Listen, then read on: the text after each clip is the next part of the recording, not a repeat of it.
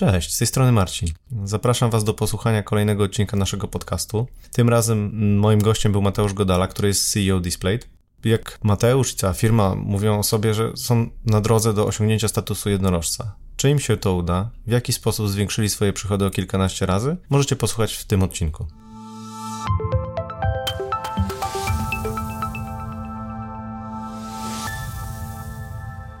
Myślę o tym, żeby zrobić preskę optymalizacji marży, taką poważną, tak jak kiedyś o atrybucji robiłem. To widziałem, no, bardzo mi się podobała. No, ona się dobrze przyjęła, ona wtedy wygrała w ocenach tą konfę.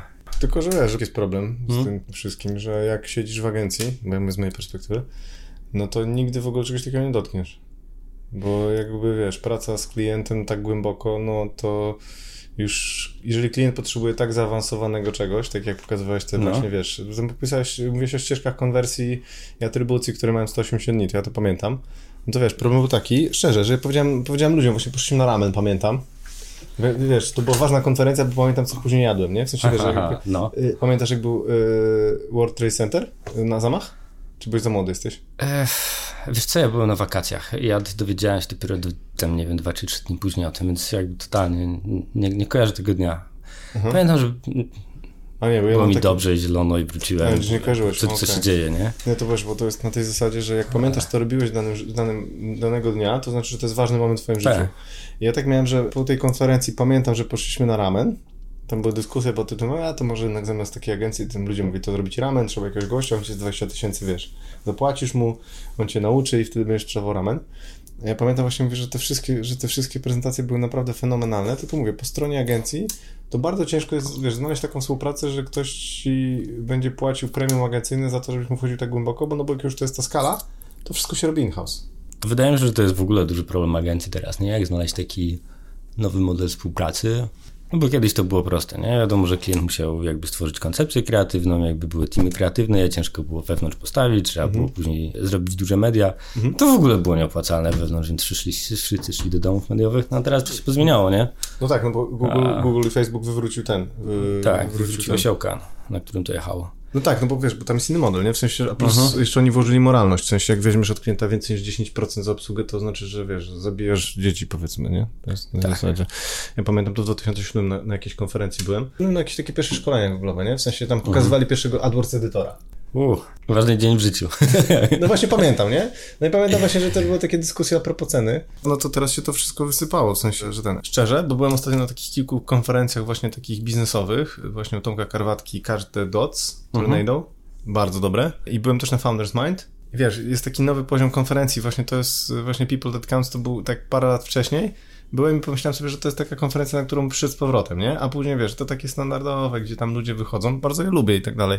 Gdzie jest cały czas ten sam line-up, te same prezentacje. Same twarze. 20, tak, 20 minut, pozdrawiamy Pozdrawiam kolegów. Pozdrawiamy kolegów i koleżanki, bo oni chodzą, a my nie prezentujemy, w sensie no. to jest ta zazdrość. I wiesz, po tych 20, 20-minutowe prezentacje, które w mojej percepcji opierałem się na tym, że goście przeczytali książkę Kahnemana, tą Thinking Fast and Thinking Slow i wiesz, i to jest jakby 90% tych prezentacji to jest to. Nawet ostatnio gość rzucał, wiesz, prezentację e-mail marketingu i też, wiesz, jakby pod spodem był Kahneman, nie? W sensie, że to jest takie, ten, więc People That Count się bardzo bym chciał. Ale wracając, bo to jest moje pytanie do ciebie. Pierwsze, takie poważne.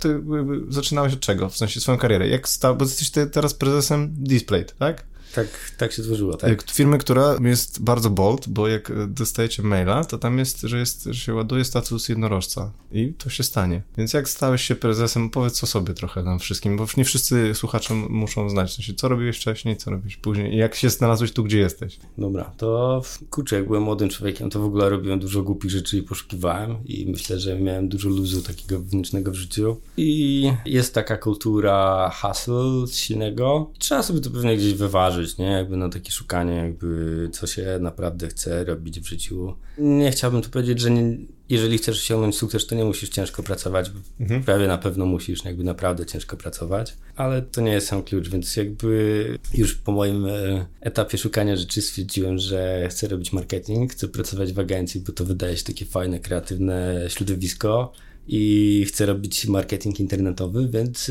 Wysłałem CV do trzech Najlepsze. agencji, które wtedy oceniałem jako najlepsze. To był K2 Search i dwie inne. I tak się złożyło, że spotkałem ciebie w K2 Searchu i jakby szczerze mówiąc dostałem się do dwóch, dwóch z nich i to ty mnie przekonałeś do tego, żeby pójść do K2 Search. No trzech się dostałeś. Do dwóch się dostałem. Z, z jednej nie kończyłem procesu. Ale byś się też dostał. Może bym się dostał, może nie, nie wiemy tego. Czyli 100% skuteczności. Ale to były naprawdę dobre agencje, no. Ogóle sobie myślałem, że to musi być fajne miejsce, jak cię spotkałem, jak taki byłeś szalony trochę wtedy i inny niż reszta tych szefów. I to musi być takie fajne, szalone miejsce i pewnie będzie mi pasować. E, Co za błąd. Co za błąd?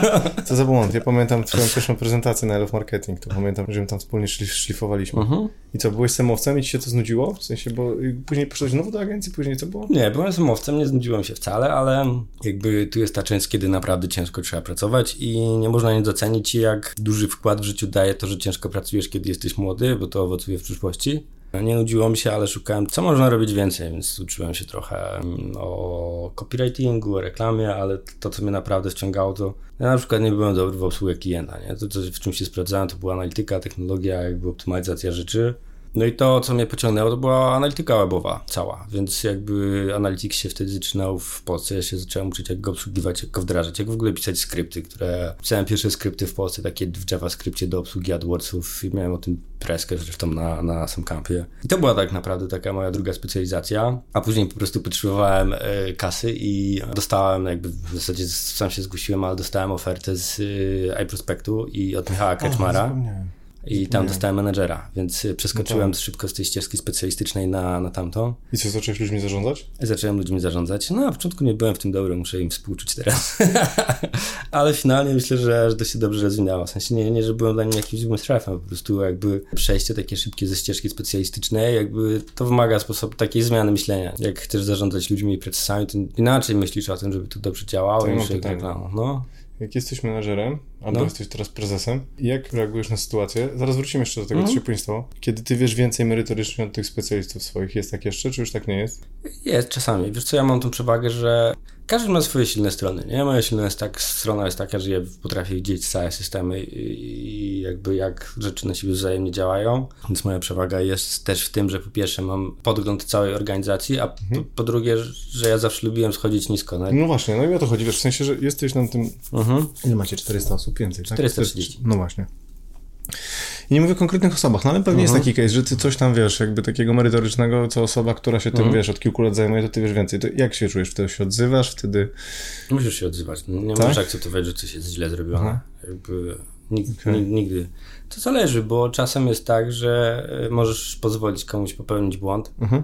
i poszukać mu chwilę, jeżeli sądzisz, że finalnie dobrze, dobrze dojdzie do, do dobrego rozwiązania. Czasami możesz kogoś challenge'ować, nie mówiąc, że jest lepiej, ale challenge'ując go do momentu, kiedy nie dojdzie do dobrego Ja mam tak z moimi rozwiązania. dziećmi, ale oni, on, syn ma 5 lat, nie? A czasami jakby potrzebujesz dobrego rozwiązania tu i teraz i mu- musisz powiedzieć, jakie ono jest. Okej. A...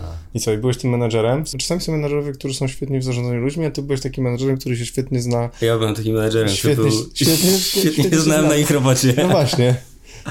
I co? I osiągałeś wyniki, ale to była dalej agencja. I co? I dalej później chyba trzecia agencja była? Nie, tak, Mm. I czwarta? Nie. Nie, y, ja tam posiedziałem. W ogóle z Michałem Kryczmarem pracowałem, więc miałem to szczęście, że trafiłem do takiego drugiego wspaniałego szefa w swoim życiu, jakby, który mi dużo poukładał w głowie. Ale ponownie, ja trochę czułem, że nie pasuję do tego biznesu agencyjnego, ani nie jestem dobry w obsłudze klientów, ani tego... A musiałeś do klientów chodzić?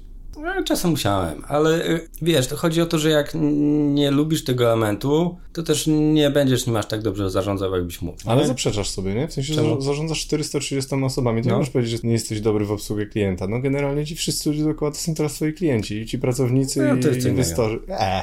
No inwestorzy może. No tylko, że po prostu, okej, no ale No. po prostu wtedy może myśleć o tym taki, taki mit, wiesz, korporacja, która ma budżet, to jest klient. a Wiesz, to są wtedy byłem 10 lat młodszy, nie? Też Aha, y, dużo rzeczy się zmienia. No tak.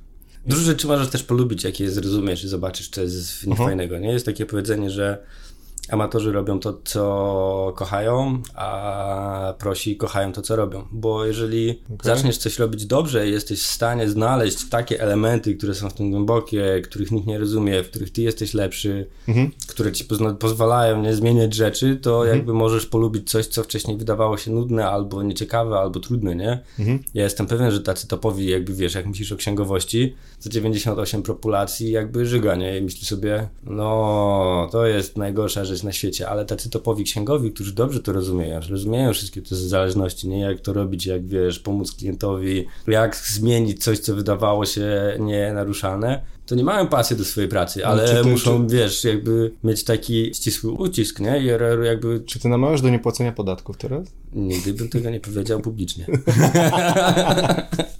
nie, bo teraz widziałem, że tutaj znajoma pracuje, wiesz, w jakimś, na LinkedInie, znaczy nie pracuje na LinkedInie, znajoma na LinkedInie, mhm. gdzieś rzucała, że topowe firmy muszą teraz pisać w ogóle, jaką zamierzają strategię podatkową przyjąć w Polsce. Jest jakieś kilkaset firm w Polsce i one są, one są napisane w ministerstwie, ministerstwo ma ich listę i publikuje tą listę i mają napisać, jaką strategię będą przyjmowali, więc jakby...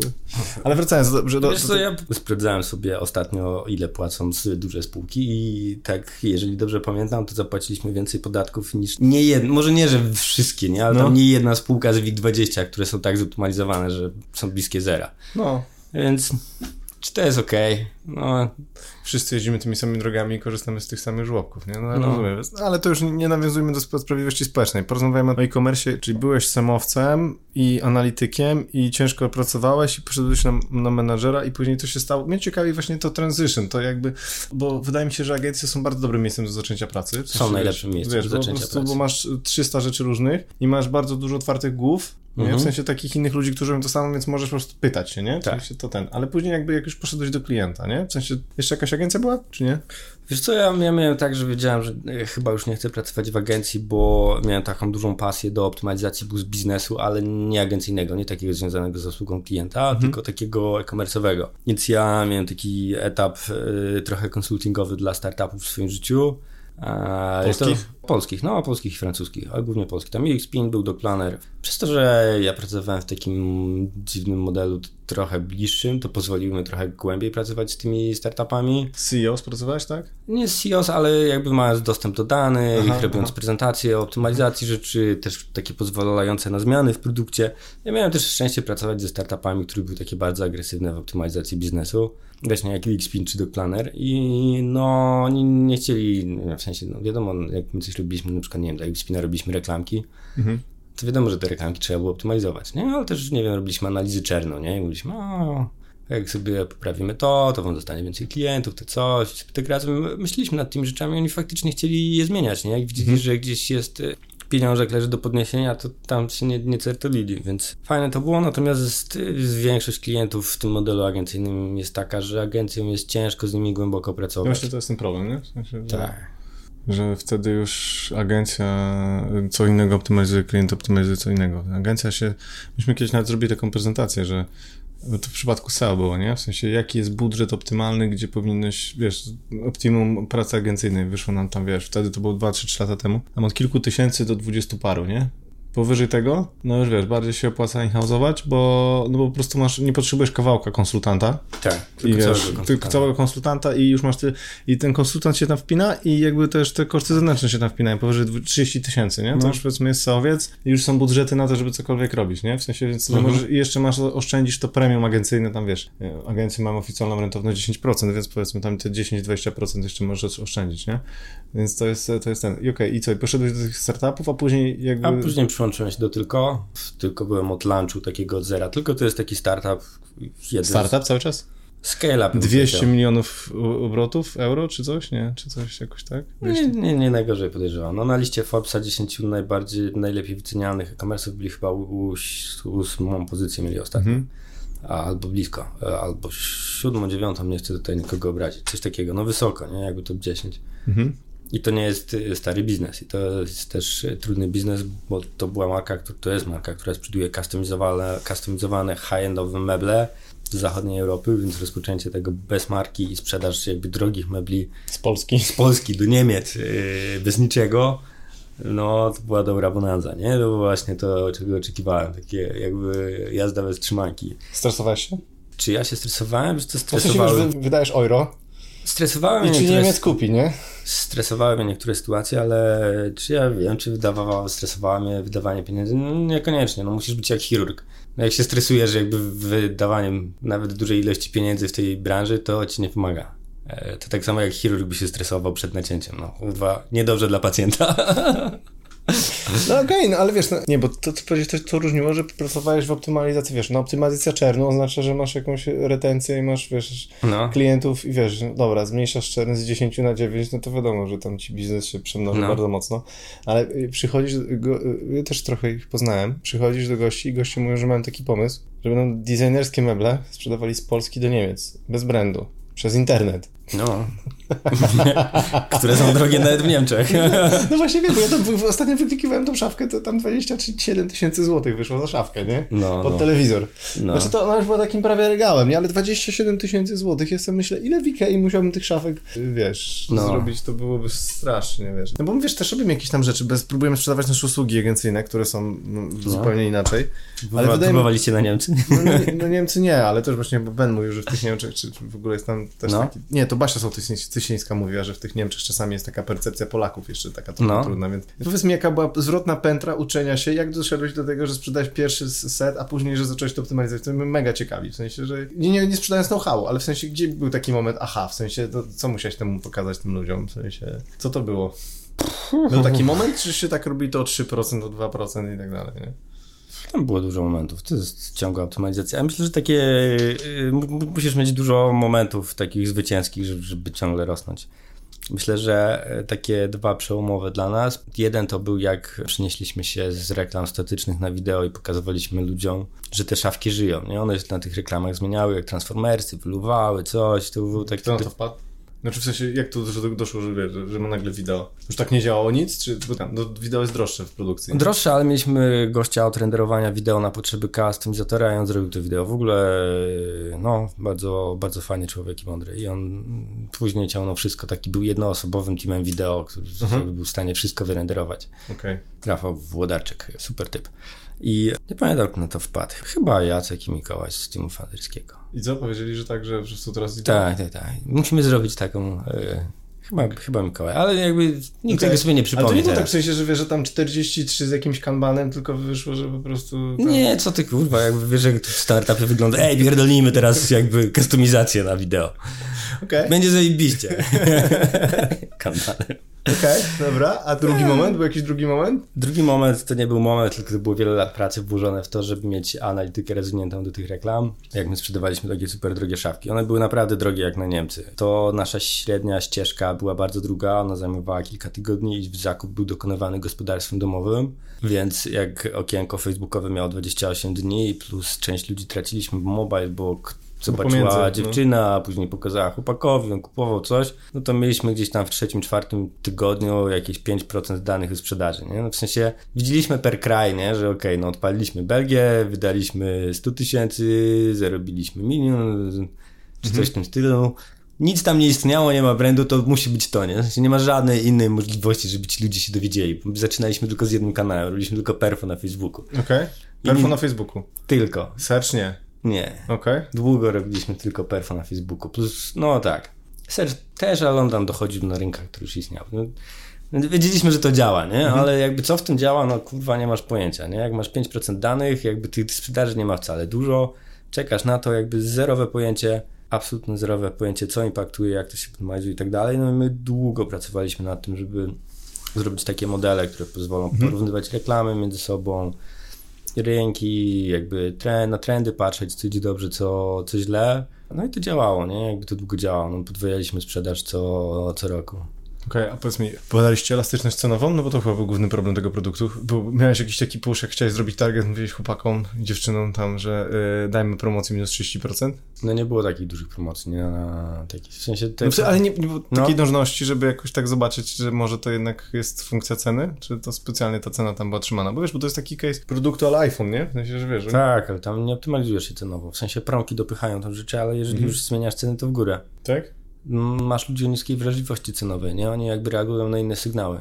No, no tak, ale wiesz, no jakby pytanie, czy tam później była powtarzalność. Nie było No. powtarzalności. To jest zdrowy biznes, no, w tym momencie. On tam Mhm. jakby ja miał jeszcze ostatnie, sporo rzeczy zmienili w tym, w tym, w tym roku i myślę, że to jest zdrowy biznes. Tak wiesz, mówienie o powtarzalności, jak sprzedajesz drogie regały, no to nie jest tak, że co roku ktoś sobie jakby kupuje regał do domu, więc Nie, ale wiesz, to trochę jest też tak, że być może jak go dotkniesz no, i go pokażesz w jakiejś tam wiosce alpejskiej, tak. to może wiesz, to może nagle stwierdzisz, że.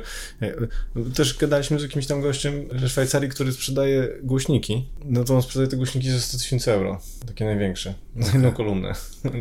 Ale jak już jakby wiesz, No. pójdziesz do tego pokoju i to sobie postawisz w pokoju, no, czyli ludzie tam zaczynają, wiesz, od jakiegoś takiego małego głośniczka za tam 40 tysięcy złotych. Tak. A później upgrade'ują. Tak, nie? I jakby. No ale to jest, tak działa ta branża, nie? To Mhm. jest jakby cała ta audiofilska jest bardziej jak collectible, a nie jak wyposażenie wnętrz. Tam nie ciągle, było ciągle upgrade'ujesz. czyli, czyli, okej, czyli, okej, czyli u ciebie jakby ktoś kupił, po prostu z tym żyje, trochę wiesz, jak Tak. z, z, z lodówką Mińsk. Moi rodzice mają lodówkę Mińsk na swojej działce, No. ona ma z 40 lat. Czyli rozumiem, że te półki tam po prostu idą, więc po prostu za każdym razem musisz tego człowieka przekonać. A w takiej branży typu audiofilskiej masz budżet i ciągle go wydajesz, nie? Mhm. W sensie, jeżeli jesteś takim żyjącym audiofilem, to sobie, wiesz, zmienisz fotel, słuchawki, coś, testujesz. Inny mindset. No, inny mindset. Okej, no dobrze. I teraz tam już doszedłeś do sufitu, w sensie sprzedałeś wszystkim Niemcom wszystkie szafki? Wszystkie szafki. I Wszystkim Niemcom. Ej, w, w, ilu krajach to działało? Jak ja odchodziłem, Mhm. to chyba było 13, nie wiem ile teraz. Podejrzewam, A, że nie wiesz co, bo to, to jest bardzo poważny podcast, to jakbyś mógł powiedzieć taką, wiesz, tutaj gadamy o twoim życiu, ale taką radę, bo to zawsze, zawsze jest jakiś taki problem.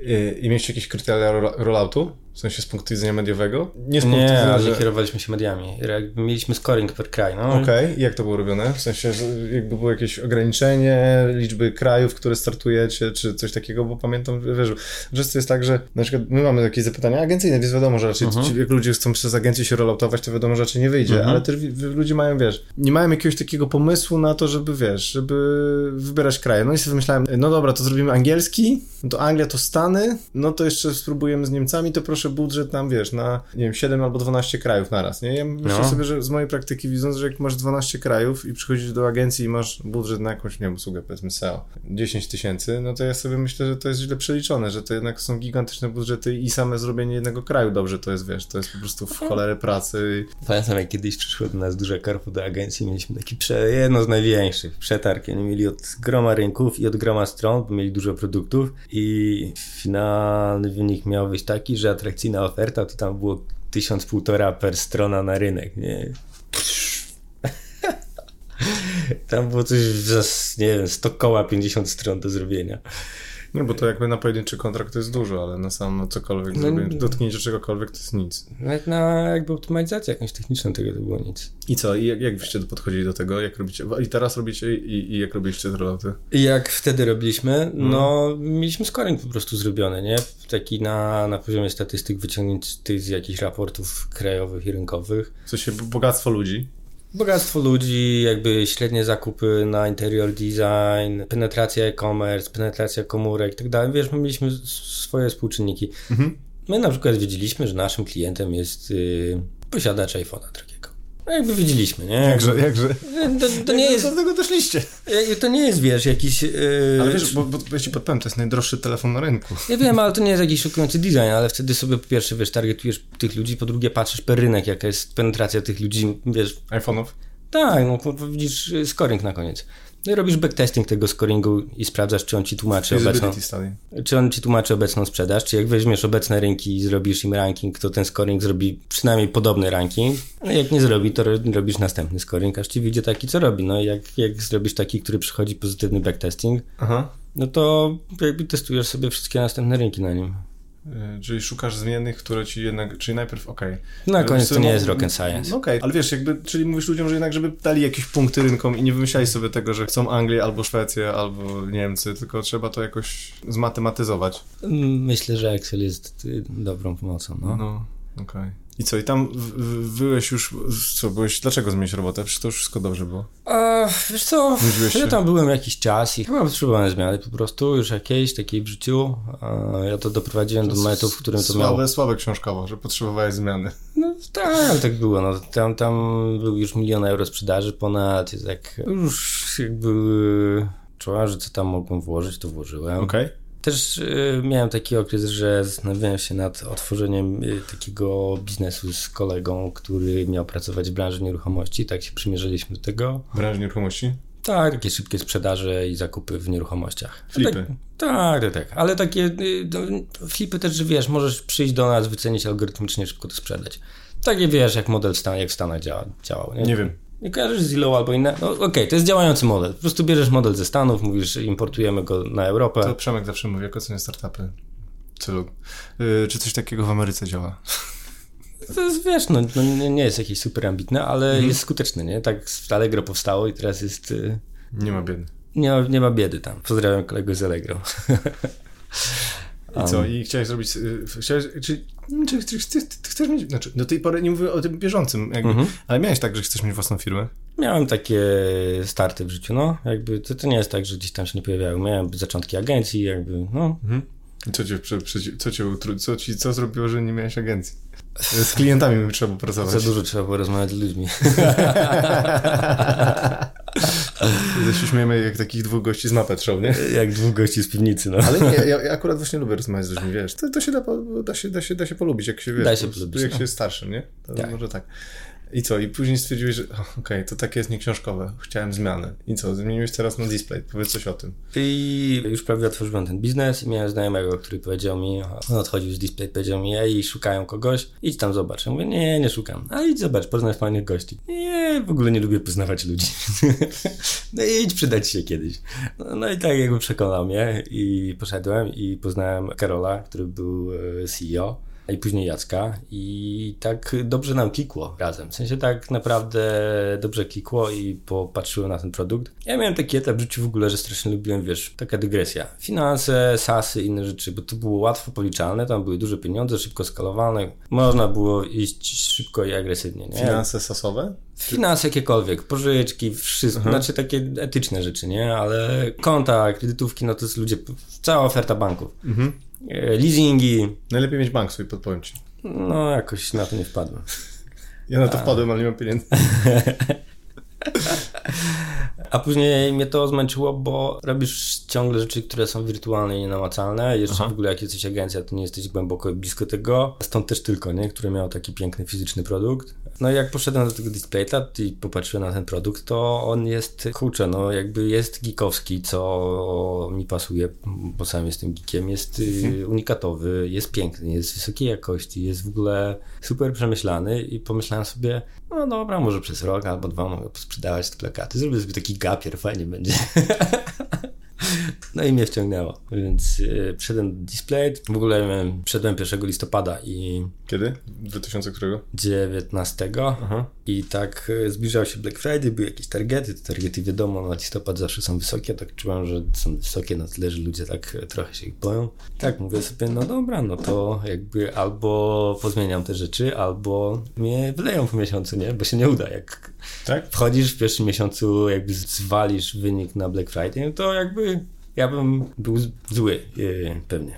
Jakbyś był właścicielem. Tak, tak, tak. Więc tak stwierdziłem, no albo zmienię ich wyjdzie, albo mnie wyleją, nie? Jakby jedno z dwojga. I w ogóle Karol miał w tym dużo odwagi, bo ja mu przedstawiłem plan, mój plan na Black Friday w jednym Excelu chyba wtedy. Mhm. Ten Excel można było na jednym ekranie zobaczyć. Powiedziałem, Karol, to jest mój plan, on zadziała. A Karol powiedział, to może być dobry plan. Ale co tam zrobiłeś? E, tam było dużo zmian związanych z. Może nie dużo, tam była jedna duża zmiana związana ze zrozumieniem cyklu tego, jak prospecting buduje lidy, które kaszują się w przyszłości i tym, że można się doinwestować na minusowej marży, kaszując w cyklu prospectingów i promek. W sensie na minusowej marży budujesz taką falę, którą kaszujesz w odpowiednim momencie, ale musisz jakby mieć to dobrze pomierzone przede wszystkim. Trzeba być hardym analitykiem. Czyli, i... że w sensie doinwestowujesz tak, żeby skala ci się zwiększyła i później... Nie widzisz jeszcze tej skali. Mhm. Jakby doinwestowujesz do momentu, w którym jakby myślisz, że tracisz pieniądze. Mhm. Y, z LTV, tak? W sensie z tego? Czy, czy... Z LTV i jakby nie. jakby za... otwartych koszyków. Ale masz za krótką po prostu historię i w sensie nie widzisz tego, że to się zwróci później bez wspierania, czy co? Po pierwsze, musisz jakby umieć zamknąć te koszyki, jakby w cyklu jakby prospectingu i. Mhm. I to będzie działać w każdej firmie inaczej. Ale jakby musisz jakby mieć to dobrze pomierzone, musisz umieć potrafić to pomierzyć i na ile ci się skaszuje, no bo jak masz źle pomierzone i zainwestujesz bańkę, a jakby ci się nie zwróci, no to jesteś... Pod wodą. Pod wodą, nie? A jak masz to dobrze pomierzone, wierzysz w to i e, wiesz jak zamknąć te pootwierane koszyki i zwiększyć LTV, no to jakby jesteś przed rynkiem. Ale z, z, zamknąć koszyki w jakim sensie? To by pogadajmy trochę o tym. W sensie zamknąć, zamknąć koszyki... W tak. sensie takim, że reklamą wychodzącą, czy jakimiś tak. własnymi kanałami, czy tak. po prostu jakąś jest... z, z, zmianą procesu, typu wiesz... Że coś zmianą procesu. Ale zmianą procesu wewnątrz na stronie. W sensie, że coś tam robisz takiego, że jakimś kanałem własnym dopychasz? Czy, czy jak to... Musisz ponownie cały system zrozumieć, jak to mhm. Działa. Jak działa fala prospectingu, fala retargetingu, w jakim mhm. czasie kaszują się te lidy, jak promocja działa na ludzi, jak, jakie typy promocji działają na ludzi, tak że nie musisz używać jej za dużej, ale na przykład, nie wiem, y, jak użyć presji czasowej, żeby to skeszować, będzie trochę inaczej działać w każdym biznesie. To, to trzeba mieć pomierzone, nie? To mhm. nie jest model. Ale tam przyszedłeś, miałeś to pomierzone? Miałeś nie, to na pomierzyłem to w pierwszym tygodniu, dlatego stwierdziłem albo, albo wygram, albo mnie wyleją. Okej, okay, czyli grałeś na prawdopodobieństwach. Tak, grałem na prawdopodobieństwach, ale to był testowany model, ja w niego wierzyłem. No i przekroczyliśmy w listopadzie rewy o 33% względem targetu. W grudniu o tam 37. Wolniej, chyba. wolniej. Spokojnie, bo to wiesz, takich. Ale dobra, poszedłeś do, do tam przy Karol, tak. tak? I 33% przekroczyłeś. Jak wyglądało to spotkanie? Z Karolem o planie? Nie, od po realizacji. Po realizacji? No, co ci powiedział? Ja my z Karolem mieliśmy zawsze, podobnie myśleliśmy i podobnie się komunikowaliśmy i nie mówiliśmy dużo, więc powiedziałem, Karol, jakby to działa, jakby przekroczyliśmy target, a Karol powiedział, tak, to działa, gratki.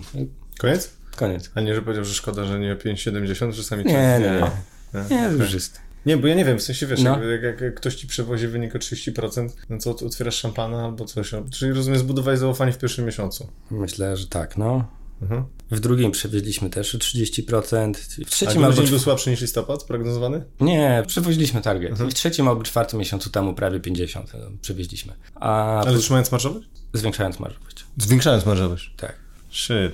Ale to co, co, co to wiesz, to teraz to ja teraz mam taki, a nie, takie trudne miałbym pytanie. Co mówi to o ludziach, którzy robili to wcześniej? Że hmm. oni też stali on the verge, czy po prostu trzeba było takiego jednego gościa, który to naprawdę rozumie? Wiesz, co powiedział gość, kojarzysz Clash of Titans? Taka gier, no coś takiego. No. Oni generalnie w pewnym momencie kupowali reklamy z Arnoldem Schwarzeneggerem w telewizji. Tak. Mieli kurwa ta, target miliard, w sensie wszyscy, w sensie, tak. że po prostu kto jest waszym targetem? Wszyscy, wszyscy, którzy mają komórki, nie?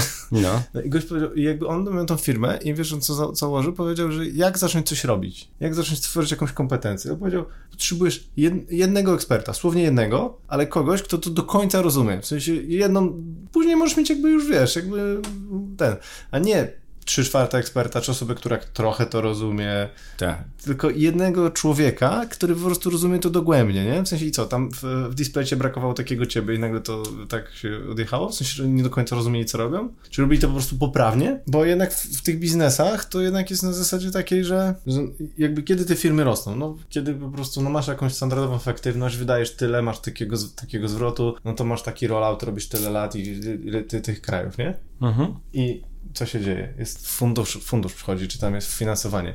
No i teraz zamiast budżetów 100 tysięcy masz nagle 15 krajów i 50 milionów, nie? W sensie, no i masz standardową efektywność. A ty, ty próbujesz powiedzieć, tak się stało. Powiedziałeś to, że przyszedłeś i poprawiłeś firmę, która działała i to działa zajebiście, w sensie o 30% więcej. W sensie, że wiesz, w sensie tak myślę, że to, to jest taki trochę skill chyba niesamowity, nie? W sensie, wiesz, i co? Poszedłbyś do trzeciej firmy teraz, nie wiem, do CD Projektu albo gdzieś byśmy to tak, tak to sprzedał?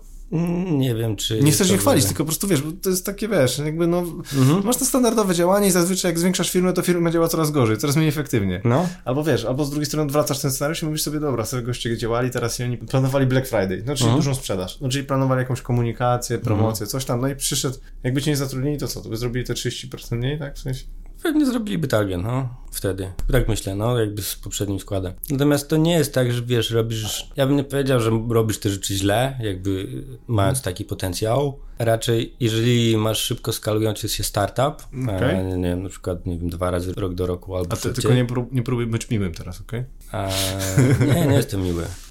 Wiesz, w sensie taki poprawny politycznie, no bo kurczę, wiesz, jakby... Nie, ja w ogóle nie myślę, że, szczerze, nie myślę, że robisz coś źle. Chodzi o to, że mhm. jak masz szybko skalujący się startup, to co roku masz inną firmę, albo co mhm. dwa lata masz praktycznie inną firmę i otwierają ci się inne możliwości do wzrostu, których wcześniej nie miałeś i czasem to jest na przykład zmiana w produkcie, czasem to jest zmiana strategii, a czasem to jest zatrudnienie typa, który połączy te rzeczy, które wcześniej zbudowałeś. I wiesz, to, że ja tam przyszedłem i mogłem tak spojrzeć na na te rzeczy powiedzieć, hej, to ja to teraz połączę i możemy wyciągnąć więcej, dlatego że jakby dużo rzeczy było zbudowane wcześniej i tam ludzie włożyli talent i ciężką pracę, żeby je zbudować. Nie no, bo analityki pewnie byś nie zdążył zrobić przez tydzień, nie? W sensie...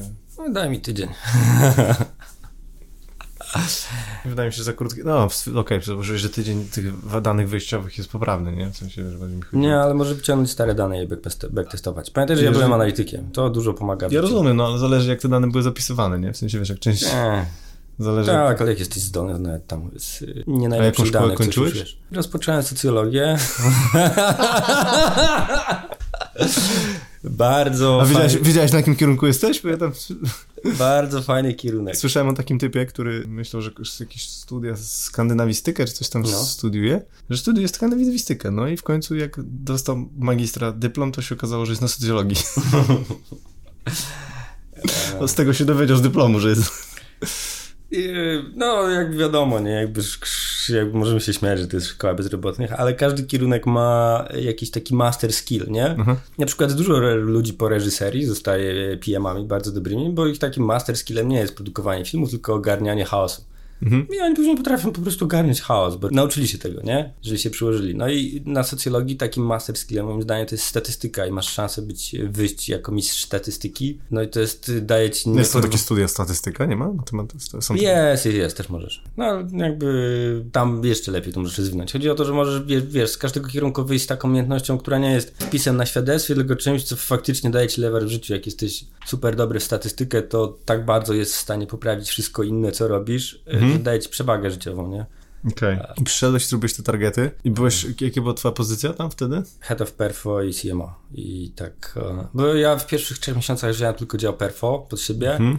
żeby to optymalizować. Po trzech brand and com, później design, po trzech, później założyłem dział analityczny, później założyłem dział loyalty i engagement i później mieliśmy exit event, więc wszedłem do zarządu. I po roku Karol, mój poprzednik, stwierdził, że ta organizacja jest duża i dojrzała mhm. i on się najlepiej czuł w tych y, bardziej dynamicznych czasach jakby i że lepiej będzie ją oddać dalej. No i objąłem stanowisko CEO wtedy. Wow, jak się czujesz? Yy, Analityk, będąc, co ty powiedziałeś, będąc analitykiem i wiesz, gościem, który chce, znaczy oczywiście ta analityka jest też pochodem tego, że rozumiesz, jak ludzie funkcjonują, w sensie, wiesz, jaki jest proces myślenia człowieka, ale jak się czujesz w sensie takim, że dużo, dużo, dużo, dużo osób masz w zespole twoim, z którym pracujesz? Bezpośrednio pod sobą teraz 16, ale to nie jest dobra mhm. liczba. To jest liczba, która wynika z tego, że mam, jest jakaś reorganizacja u nas, mhm. którą przeprowadzam i to troszeczkę pozwala mi być głębiej w rzeczach. A, okay. Natomiast y, ona będzie szybko, no może no będzie zredukowana, w sensie to będzie mniejsza liczba osób, nie? Będą skonsolidowane te rzeczy. Już, już je konsoliduję. I co, jaki jest plan? Teraz jesteście, już nie jesteście startupem. No mówicie o sobie startup, czy to jakoś... No, mówimy, ale raczej jesteśmy scale-upem, no. Aha. Jak to no. wygląda? W sensie, jak, jaka jest strategia wasza? Która jest po prostu zarządzasz e-commerce'em i co, będziecie, będziecie to chcieli po prostu, nie wiem, rozszerzać produkty, rozszerzać zakres tych produktów. Wy, jesteście marketplace'em, czy jesteście, jak, jak to wygląda? Jesteśmy managed marketplace, no. Jesteście marketplace'em. Tak, mówimy o sobie managed marketplace, bo to jest inny model, w sensie mhm. my trochę mocniej kontrolujemy, co jest przez to, że to są rzeczy związane z prawami autorskimi, to trochę mocniej kontrolujemy, co się dzieje na tym marketplace, szczególnie ostatnio, ale jesteśmy marketplace'em. No, mamy 40 tysięcy artystów, którzy dostarczają nam content i prawie już 200 brandów, razem z Disneyem, z Marvelem, z DC, z Netflixem, z Deep Projektem, z Ubisoftem. A wy to ujawniacie w sensie, jak, to, jak ta, ta sprzedaż wychodzi? W sensie, że, że czy bardziej to jest właśnie na zasadzie tych, czy bylibyście w stanie żyć bez tych 400 tysięcy artystów, a mając same brandy? To nie byłby skuteczny model. Jakby tak? To jest dobry model, kiedy jest łączony, bo zapewnia ci dużo masy kontentów, y, y, takie portfolio artystów, mhm. długi ogon, plus oni tworzą bardzo fajne, oryginalne rzeczy czasami. A brandy zapewniają ci takie świeże rzeczy, które są teraz wyhypowane. Okay. E, więc to po prostu okay. dobrze gra razem. Można te rzeczy robić mhm. oddzielnie, ale przez to, że nasza produkcja i logistyka jest zoptymalizowana... My jesteście w Polsce, wszystko robicie w Polsce? Tak, to my jesteśmy być w stanie na rynku szybciej niż ktokolwiek inny. Jak wiesz, jakbyśmy konkurowali z Funko, Funko jest podawane jako, wiesz, przykład w branży, nie? Mhm. I u nich cykl produkcyjny to jest 3-4 miesiące. Funko? Funko, no. Jak albo... Funko. Nawet dla, a taki średni w branży to jest około roku, albo nawet więcej. W sensie, jeżeli masz pomysł na produkt, który jest na przykład związany z nową premierą Marvela, to potrzebujesz roku, żeby to zaprojektować, zatwierdzić, wyprodukować z Chin, ściągnąć i rozprowadzić po dystrybutorach. My jesteśmy w pełni D2C, mam, mam swoją sieć dystrybucji, mhm. sprzedajemy przez swoją stronę po prostu. Mhm. Mamy zoptymalizowaną logistykę, jeżeli mamy jakiś pomysł. Jak ostatnio Netflix wypuszczał Stranger Things, był taki kultowy Czwarty. moment, mhm. jak Eddie grał na gitarze na przyczepie. To my następnego dnia zrobiliśmy ten design i wysłaliśmy go do Netflixa. Mhm i on, nie pamiętam ile był cały cykl produkcyjny, ale w ciągu kilku dni on był żywy na stronie i podejrzewam, że wiesz, od, od tam premiery do pierwszego gościa, który go dostał, minął jakiś tydzień, nie? bo dwa dni zajmuje wysyłka do Stanów w jeden dzień, może dwa jesteśmy w stanie zrobić design, potrzebujemy powiedzmy dwa, trzy dni z dobrym partnerem na akceptację, jesteśmy w stanie się w tygodniu zająć od momentu pomysłu do pierwszego klienta, który to wiesza na ścianie, w najlepszym przypadku pewnie w tydzień. Wiadomo, że to częściej zajmuje dużo dłużej, ale jakbyśmy się gdzieś spieli, to jesteśmy w stanie to zrobić. Mhm. Tego nikt nie pobije. Szybciej. Tak, więc y, to, że to wiesz, to, to jak my pracujemy z brandami i mhm. popkulturą, no to daje nam przewagę. A artyści jakby dają wspaniały content. To nie jest tak, że. Jeździsz na Comic Con? Jedziemy w przyszłym roku, no. Tak, tak nie, myślałem, nie byłem jeszcze, ale jedziemy. No to takie małe marzenia. No, takie, wiesz. I co, no. będziecie robili panel jakiś tam? Czy coś? Nie. Będziemy się dobrze bawić tam, no. Jeszcze nie mam planu. Też nie będziemy. Byłem. Też nie byłem, ale tak. No. A gdzie jest? Macie już bilety? To już wyprzedane jest? Wiesz co, ciężko dostać te bilety, ale myślę, że je dostaniemy, no. San Diego. No San Diego jest, jest dużo Comic-Conów, ale San Diego jest najważniejsze. No. To jest taki duży event, to wtedy całe miasto żyje, nie? To jest jak koncert Stonesów. No wiem. Większy, to jest większy event. To w e, takiej popkulturowej sferze to jest to, nie? To są jak Oscary. No dobrze, i co? I czyli generalnie jakoś tak by to gdzieś zresumować, nie? W sensie jakby, e, jakbyś mógł podpowiedzieć, y, y, jakby ktoś chciał robić, może nie waszą konkurencję, nie? No. Ale jakby chciał robić teraz, wiesz, kampanię mhm. w internecie nastawione na perfo, mhm. może się nas zgłosić zawsze, ale jak ty byś miał powiedzieć, jakby na co zwracać uwagę? Na trzy rzeczy takie, które... Pierwsze to jest zrozumienie, jak działają algorytmy reklamowe, bo coraz więcej rzeczy jest zautomatyzowane i oddaje się kontroli algorytmu, to jest ważne. A to cię irytuje? Że to jest zautomatyzowane? Że nie tak. ma kontroli? Ja jestem starej daty. Ja miałem wszystkie opcje dostępne. Dużo rzeczy też można było zrobić przez to, że jest się mądrzejszym od kogoś, jeżeli masz wszystko, e, wiesz, dostęp do... Mm. Może właśnie przez takich jak ty, czyli to właśnie, wiesz, to... Ciężko, w sensie da się to, no jeżeli dobrze zrozumiesz, jak działają te algorytmy, to możesz budować przewagę konkurencyjną, nie? Ale mm. jest to trudniejsze po prostu. Pamiętam, że my na przykład mieliśmy no, jakby, no to działało przez jakiś czas, na Fejku mieliśmy taki, e, na Facebooku mm. model, że odpaliliśmy kampanię, w której było 70 identycznych headsetów i ta kampania była tak ustawiona, że to zawsze wygrywało z każdym typem, innym typem kampanii, który my odpalaliśmy. W środku było 70 identycznych headsetów i to 70 też nie było przypadkowe, nie? Facebook zawsze do nas przychodzi i mówi, nie, to jest najgłupsza rzecz, jaką możecie robić, tak się nie robi. Wszyscy nam mówili, to jest najgłupsza rzecz, a później te kampanie wygrywały z wszystkim. Tam... Wyświetlały, tak? Tak, w sensie były tańsze niż każda nasza inna kampania prospectingowa i robiliśmy testy i z konkurencją się porównaliśmy i to po prostu działało przez dwa lata, nie? Jakbym to tak wy... Mieliśmy mądrego gościa, on zrozumiał jakiś insight dotyczący działania algorytmu, ustawił to, to wygrywało z wszystkim. Później to przestało działać, nie? Ale dużo trudniej jest wyczuć takie insighty dotyczące algorytmów niż takie, kiedy możesz wszystko testować ręcznie, bo po prostu więcej rzeczy jest zautomatyzowane i mamy mniejszy dostęp do danych. Przez lata internet był taki, że reklama była tania, technologia co roku była lepsza, użytkownicy spędzali więcej czasu i co roku było więcej użytkowników. No jakby bonanza, wyrączka złota. Mhm. A teraz jest tak, że użytkowników już nie jest więcej, nie spędzają więcej czasu, to się nigdy nie zmieni. Konkurencja jest coraz większa, ludzie wydają większość budżetów w internecie i technologia co roku jest coraz gorsza, bo wchodzą nowe regulacje albo tacy duży te giganci ograniczają dostęp do danych czy, czy do ustawień ręcznych. Bo robią wall gardens, tak? W sensie no tak. Albo chcą sprzedawać AI. W sensie... Więc jakby trzeba grać z zrozumieniem tych algorytmów, kreacją i produktem. Kreacją mm. produktem. Tak. Czyli zrozumieć algorytmy, to jest pierwsza rzecz. Tak. Back, y, wsteczna, wsteczna inżynieria. Tak, wsteczna inżynieria. Co jeszcze? Kreacja e, mhm. będzie coraz ważniejsza. E, Jaka no, kreacja? To, w sensie, że co? E, wideo w szczególności, moim mhm. zdaniem. To już od dawna trwa, nie? Ale mhm. ludzie, którzy są w stanie jakby kręcić jakby ładne wideo, będą wygrywać coraz mocniej, opowiadać jakieś... Tym bardziej, że jakby wiesz, nowe kanały. Patrz, co robi Facebook teraz, nie? Jakby to, co promuje, to są Reelsy, no to jest wideo, nie? Jakby TikTok zajmuje swoje miejsce, to jest wideo. Więc y, takie skuteczne opowiadanie historii za pomocą tej kreacji, tworzenie wideo, co jest dużo trudniejsze od tworzenia statyków. I droższe. Niekoniecznie wcale, dużo droższe, jeżeli masz jednego eksperta, który dobrze to mm, rozumie. No, jeżeli jesteś, to widzisz, to mówisz To jest to, co mówisz, wystarczy jedna osoba, która no tak, dobrze to rozumie. korporacja nie kupi wideo od jednego eksperta. Nie. Wiesz, bo jakby mówisz, mówimy o rynku takim, część tych e-commerce'ów rzeczywiście jest taka, że ma taki agile, e, e, jest agile'owa, w sensie, że po prostu No. masz dobrego gościa i mówisz, dobra, kręcimy to i po prostu, wiesz, dajesz mu do- dobrego iPhone'a i tyle. No ale wiesz, w korporacji, w procesie reklamowym to musisz mieć, wiesz, kolaudację i scenariusz i wiesz, i musisz po prostu kupić to wszystko i tak dalej, więc to Pewnie, jest... no. ale jak nie jesteś korpo, tylko startupem albo e-commerce'em walczącym Mhm. takim, wiesz, jakby agresywnie. Ty, może powinieneś zrobić na People That Count taką nagrodę. E-commerce walczący. E-commerce walczący. Pierwszy raz to tu słyszeliście, nie? No. Taki, że y, z, y, takich challengerów byście wybierali, No. taką kapitułę, wiesz, jakby, że można się zgłosić i wy robicie i powiecie, że to jest e-commerce walczący, nie? No. E-commerce walczący, No, no. wiesz, Showlery dałem to jednorożce i tak E, dalej. A no. wiesz, to właśnie to jest ta, ta nagroda typu zebraliśmy rundę, jakby sz- szanuję wszystkie te startupy, ale generalnie wiesz, jakby zbierasz rundę, to akurat nie jest dobry moment, bo ktoś cię kupił i po prostu jakby, wiesz, dla mnie są ci goście, którzy, wiesz, produkują pieniądze, to są właśnie tacy, nazwijmy to, e-commerce walczący, nie? W sensie, że większość z tych startupów generalnie, y, wiesz, nie wychodzi poza, poza etap takiego chwalenia się na socialach, że wiesz, że są tam właśnie, dostali jakąś tam nagrodę, nie? No, ale wiesz, To ja jakby- tylko tak podpowiem, dla, dla, dla, żebyście też y, słuchający mieli trochę pracy, sprawdźcie proszę y, sobie na w KRS-ie, tam są takie przeglądarki, wyniki tutaj y, firmy, którą za- zarządza Mateusz, to zrozumiecie o czym mówię. Oj tam, oj tam. No, oj tam, oj tam. E, a trzecia rzecz? Produkt. Produkt? Tak, no. A jak masz usługę?